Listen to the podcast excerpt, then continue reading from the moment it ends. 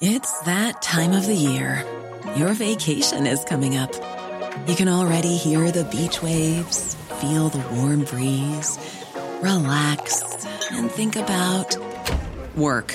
You really, really want it all to work out while you're away. Monday.com gives you and the team that peace of mind. When all work is on one platform and everyone's in sync, things just flow wherever you are.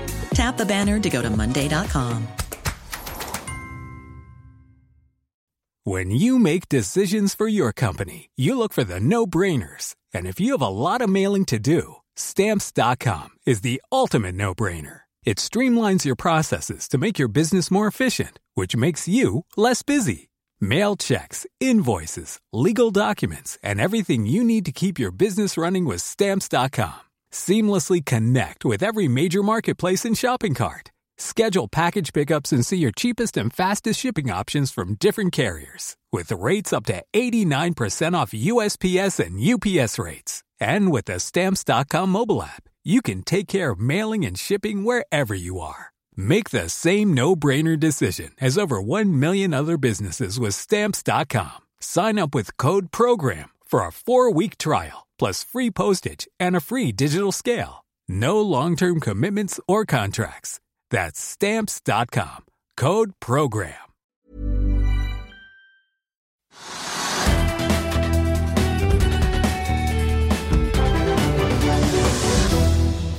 Velkommen til Økonominyhetene. Vi skal snakke om Oslo Børs og også om eh, hva som skjer i de internasjonale aksjemarkedene. Men først noen hovedpunkter fra aksjemarkedet i dag. Hovedindeksen på Oslo Børs er svakt opp med rundt 0,1 Resultatsesongen fortsetter. I dag har en rekke selskaper lagt frem tall for fjerde kvartal. Blant dem er Kjell Inge Røkkes Aker Biomarin, som faller tross positive tall. To nye selskaper har debutert på Oslo Børs. Hudley og Prime stiger begge kraftig fra åpningskursen. Oljeprisen er noe ned til like under 63 dollar fatet, og den norske kronen er på sitt sterkeste mot euroen siden februar i fjor, og har ikke vært så sterk mot amerikanske dollar siden høsten 2018. Og Betyr det at troen er tilbake på norsk økonomi, Trygve? Ja, om det, om det betyr at troen er tilbake, vet jeg ikke, men det er jo de som da trader i oljemarkedet, da. Eh, eller på valutamarkedet. Eh, de kobler ofte da, som de oljemarkedet til eh, kroneutviklingen. Og hvis oljeprisen er sterk, så mener ofte mange da at, at kronen bør være sterk. Og det er det ofte da i historie, historisk sett så ser vi at det er en sammenheng der. Og akkurat nå så ser jo folk at oljeprisen er litt opp, da. Altså rundt 63 dollar på fatet for Brenten. Og den har oppe vært i 64. Og det er en del som spiller nå på det at oljeprisen faktisk vil øke. Og så er det da det som, grunnen til at liksom oljeprisen er litt opp, det er da nå i første rekke da, ikke sånn strukturelle forhold, men det er det at man har elendig vær i USA. I, altså I Texas så er det liksom da istider og snø. Og da er det en del av raffineringskapasiteten som da ikke eh, kan gjennomføres. altså Fabrikkene må stenge ned. Så raffineriene får ikke nok ut olje, og da smitter det opp til resten av verden. Selv om det er vanskelig å tenke seg at det at man har da is og snø i Texas nå, og det skal bety så veldig mye for oljeforbruket i resten av verden samtidig. Det er liksom litt sånn Man, er, man tenker litt kort, da. Men når man ser at de har problemer med å få olje ut av raffineriene, og da er det bra for Norge. Og da er det bra for oljeprisen. Og så smitter det over på norske krona at liksom det går bra i Norge, sannsynligvis sammenlignet med veldig mange andre land. Vi hadde en lite fall i BNP i fjor, men uh, det ser liksom rimelig bra ut. og Mange tror det at liksom vi har lite, lite smitte, og at liksom korona til uh, virus vil forsvinne i Norge kanskje like, litt raskere enn i andre land. Altså, er, jeg vil ikke si at det er veldig sterke argumenter for at, for at kronekursen skal styrkes hele tiden, men den gjør det. Og det er det høyeste nivået på to år, som, som du er inne på. Og, og, gode analytikere på valuta sier at liksom, da eurokursen skal liksom, den er vel på nå på 10-20 eller 10 ja, den er på 10-20. 10-20-18 eller sånn nå, og at han skal under 10 kroner. Så den skal styrke seg enda mer. Og det, altså det vil ikke jeg ture vedde på, for valuta er kjempevanskelig. og Plutselig skjer det et eller annet internasjonalt, og så er det et eller annet med dollaren. og så liksom Alt henger sammen. Så jeg vil ikke turde spekke på det, men vi ser jo det at trenden er at kronen styrker seg. Høyere oljepris, kanskje bra økonomi.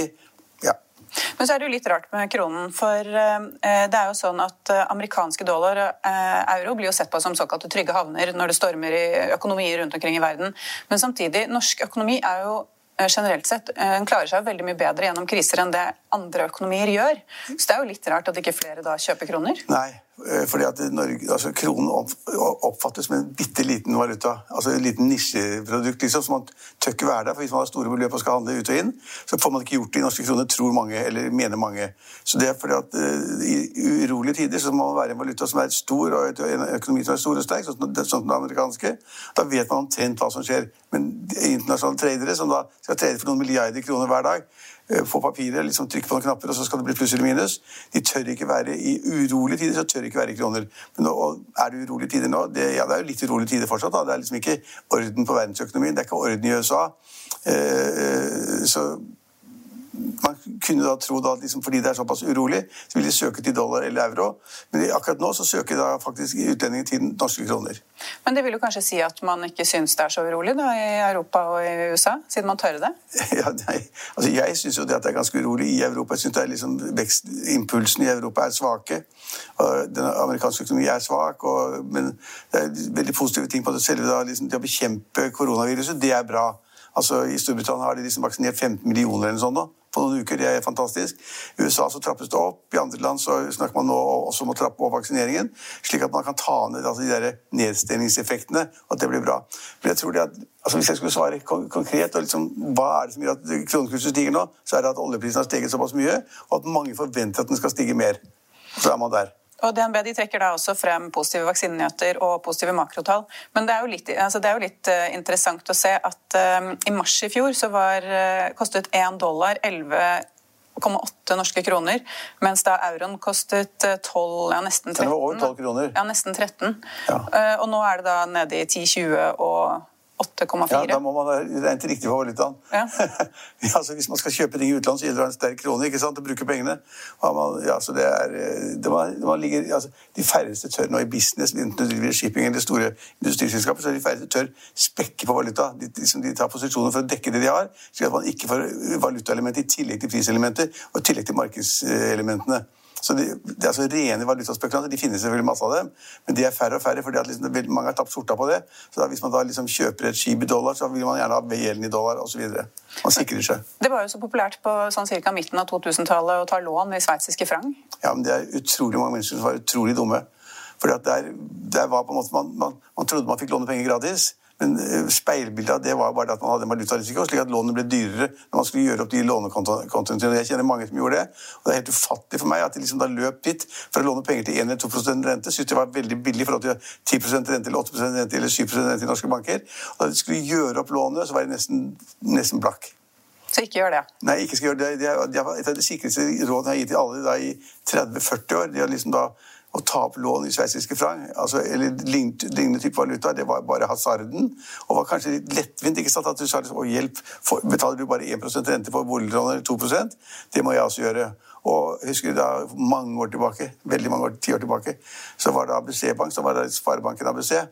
De hadde egne folk som bare drev og pushet den type lån på kundene sine. Det gikk ikke bra. Men um, da er det altså sånn at Eh, kronen styrker seg. Det er bra for oss eh, netthandelsmessig, men kanskje litt dårlig for norsk eh, industri? da? Ja, altså, det er klart at En svakere krone gjør det lettere å selge våre produkter i utlandet. Så det er klart, altså En svekkelse av konkurransekraften til de rene eksportbedrifter det er det jo helt åpenbart. Altså Utlendinger har kanskje snart ikke råd til å kjøpe norske varer og tjenester hvis da kronekursen styrker seg på den måten som den gjør. Jo svakere norske kroner, er jo lettere å selge varene i utlandet, for da får de mer for pengene sine i utlandet. Så enkelt er det. Men det er noe annet som da også har skjedd i dag i finansmarkedene, eller mest da på Oslo Børs, og det er at vi har fått to børsnoteringer som har vært ganske interessante. For de har jo gått voldsomt opp, disse to aksjekursene, siden notering. Ja, Den ene er kjempeinteressant. Det er det som jeg, jeg vet ikke om det uttales Prime eller Prime. Ja, men, Prime, vi går for det. Et eller annet sånt nå, men det er da på Euronext Growth, eh, tidligere Merkur. og de, Det er et ganske morsomt selskap. Det selskapet, Hvis jeg har forstått det rett, da, sånn i hovedsak, så skal det selskapet da konkurrere med Kvantafjord, som jeg har snakket om mange ganger. Som er et selskap som da på en måte skal ta seg av gamle plastposer og den type avfall og gjøre dem til olje. Ja, eller nye plastposer. Og Det har vært ganske mye bråk om, og det er en tidligere kapitaljournalist, Kjetil Bjørn, som, Bjørn, som da har stiftet selskapet som driver i dag. Eh, han var så smart at han solgte en del av aksjene eh, sine for en stund siden, så han fikk masse penger til å nedbetale gjeld på hus og, hus og hytter og sånn. Det var lurt. Det er en, lær, det er en lærdom i det også, det er derfor jeg sier det. Uh, og det var da For et år siden så sa da Øystein Strausbetalen, som er en av de fremste investorene vi har, en av de skarpeste og hardeste, som sa at de som investerer i den type selskaper som Quantafuel, det var så, det, altså, de kunne ikke ha hjerne, sa han. Det var en samtale med meg jeg hadde her på huset.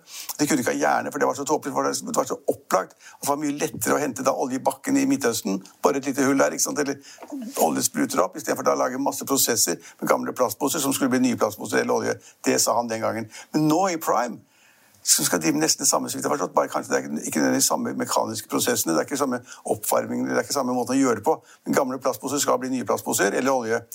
Uh, og det selskapet det er da konkurrent i Kvantafjord, og det gikk da på børs. Og der var Spetalen både med personlig og med sitt selskap da Saga Pure, som det heter, som han kontrollerer.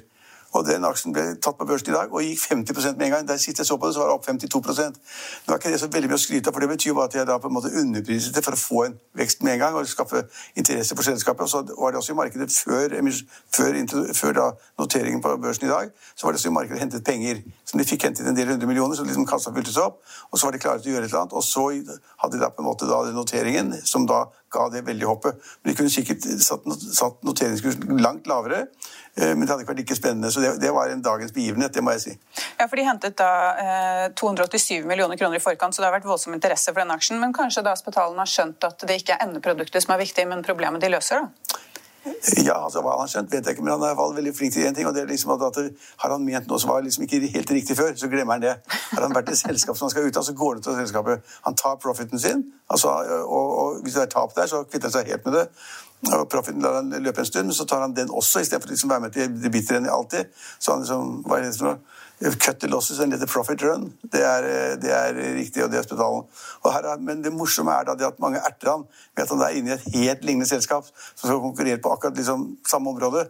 Og da, da var du tidligere så, I den type selskaper så hadde du ikke gjerne, og nå er det da han som er inne der. Det syns mange er morsomt. Jeg syns det var helt proft. Det. Altså, det han sa før, var ikke, var ikke riktig. Og så går han, i, går han inn i det selskapet og tjener masse penger. Og første dagen i dag så har han tjent 20 eller 30 millioner kroner på det. Ja, for Quantafuel, da, som, eh, som, ble børsnotert for et år siden, det, var, det er opp da 250 siden børsnoteringen. Ja.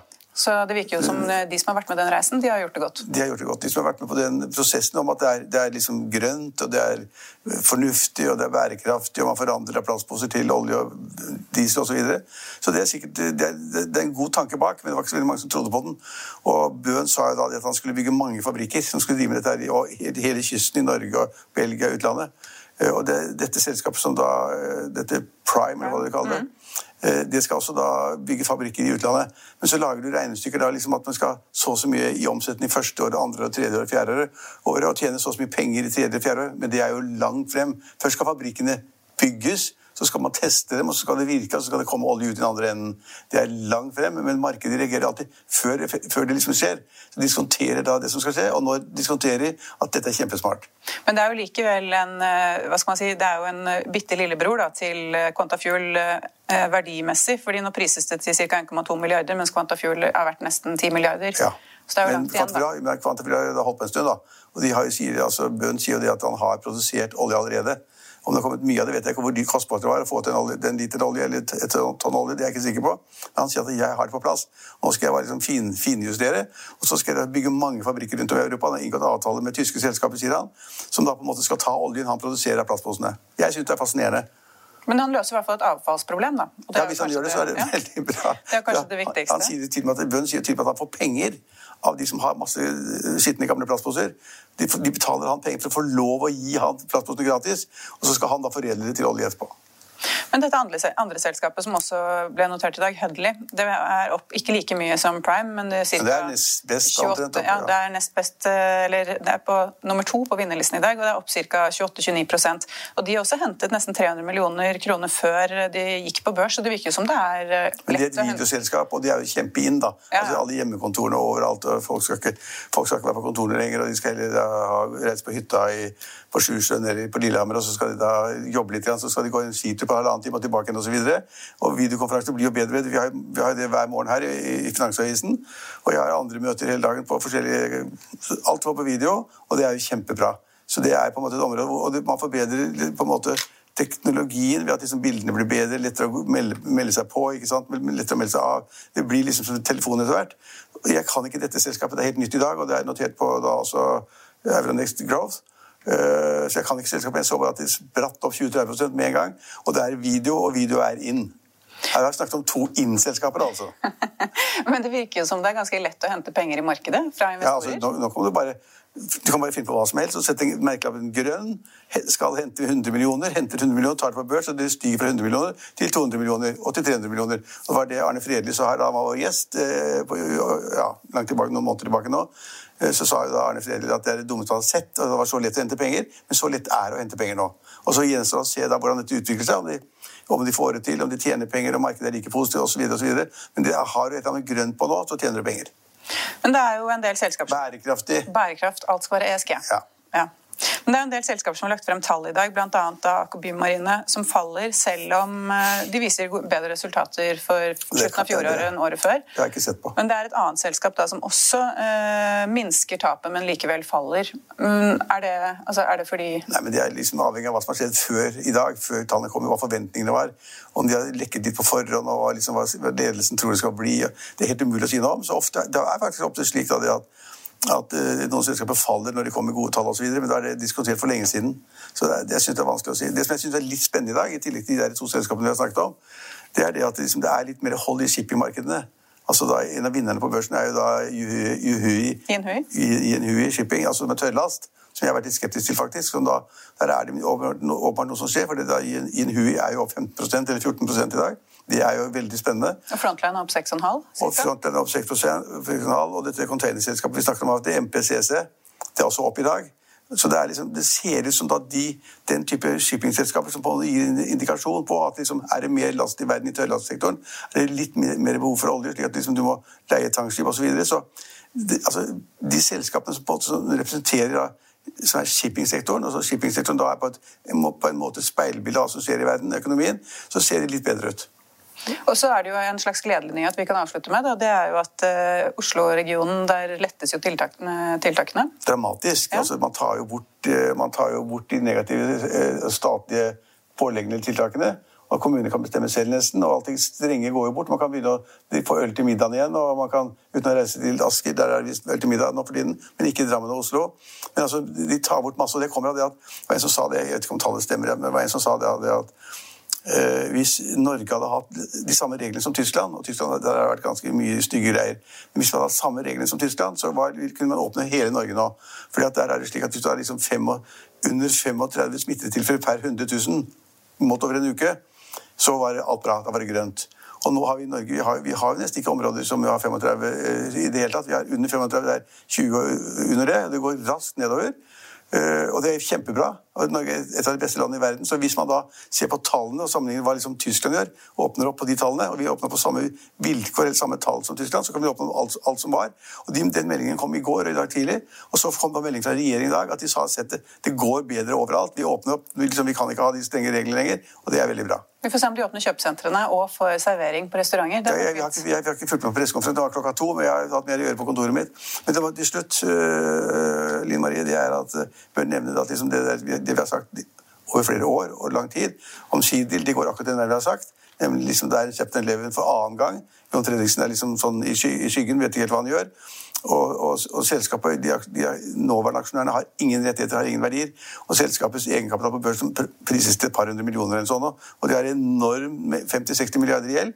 Dette skal koke sammen til et eller annet som gjør at da bankene, ikke bare obligasjonsholderne, men også bankene denne gangen, bl.a. DNB, de skal nå være med i en sånn kjempesuppe hvordan man skal få nye aksjer, og hvor de gamle aksjene faller helt ut. Øh, og, håper da på at liksom riggmarkedet skal komme en eller annen gang. Det er langt frem. Så det er en krise for annen gang, og der sitter da eh, Jon Fredriksen oppe det var også for annen gang. Og forrige gang var han kjempesnill gutt. Da det var chapter 11 forrige gang, kom ut av chapter 11, det var vel i 2017-2018, så puttet han 3 milliarder kroner på bordet og sier at ok, da putter jeg nye penger på bordet, tar et kjempetap på aksjene, og jeg får da 23 av i de nye, aksjene i det nye selskapet. Men gjør han det en gang til? Har han råd til det? Han har råd til det, men når man gidder spørsmålet. Vi får se da, om eh, han klarer det. Gjensidig er ned i dag, altså 5-6-8% for at nå går det mot null. De går jo ikke helt til null, da får selskapet vil bestå. Det blir ikke konkurs, det blir en form for reorganisering, reavvikling eller hva det måtte være, hvor banker, obligasjonshavere og aksjonærer kommer til å bli blød blodig fordi de satset da på riggmarkedet enda en periode. Men tror du ikke bankene vil redde det? Ja, nå vil de det. Sannsynligvis, for de liksom, det er så enorme beløp at de, de orker ikke ta de tapene på bøkene engang. Så det er Eh, så jeg er mer, mer interessert i hva Jon Fredriksen gjør. Om han liksom spiller en good guy denne gangen også. Da er han ganske snill. Altså, han burde kastet kortene forrige gang og det spart enorme summer. Kanskje det er en slags uh, Han skal klare ja. Han er en av verdens største tankredere og gjør det kjempebra. Og nå har det vært elendige tider i tank. ikke sant? Det har blitt litt bedre. Så tror jeg kanskje han da sier at ok, nå har jeg liksom, det har vært bedre i riggmarkedet så lenge, og det er krise. Nå får vi da si at hvis vi blir med denne gangen også, eller blir tvunget til å være med, så har vi kanskje en fremtid for disse riggene en eller annen gang noen år frem i tiden. Så egentlig så har du litt troen på det selskapet fortsatt? da? Ikke jeg, nei. Ikke i det hele tatt. Det er altfor mye helt håpløst, og markedene er fremdeles elendige. Men vi tror kanskje at han redder det, da. Ja, vi tror kanskje han redder det. Har for mye penger, han. Og det var det vi hadde i dag. Vi er tilbake i morgen klokken halv fire. Vi ses igjen da. Ha en fin kveld.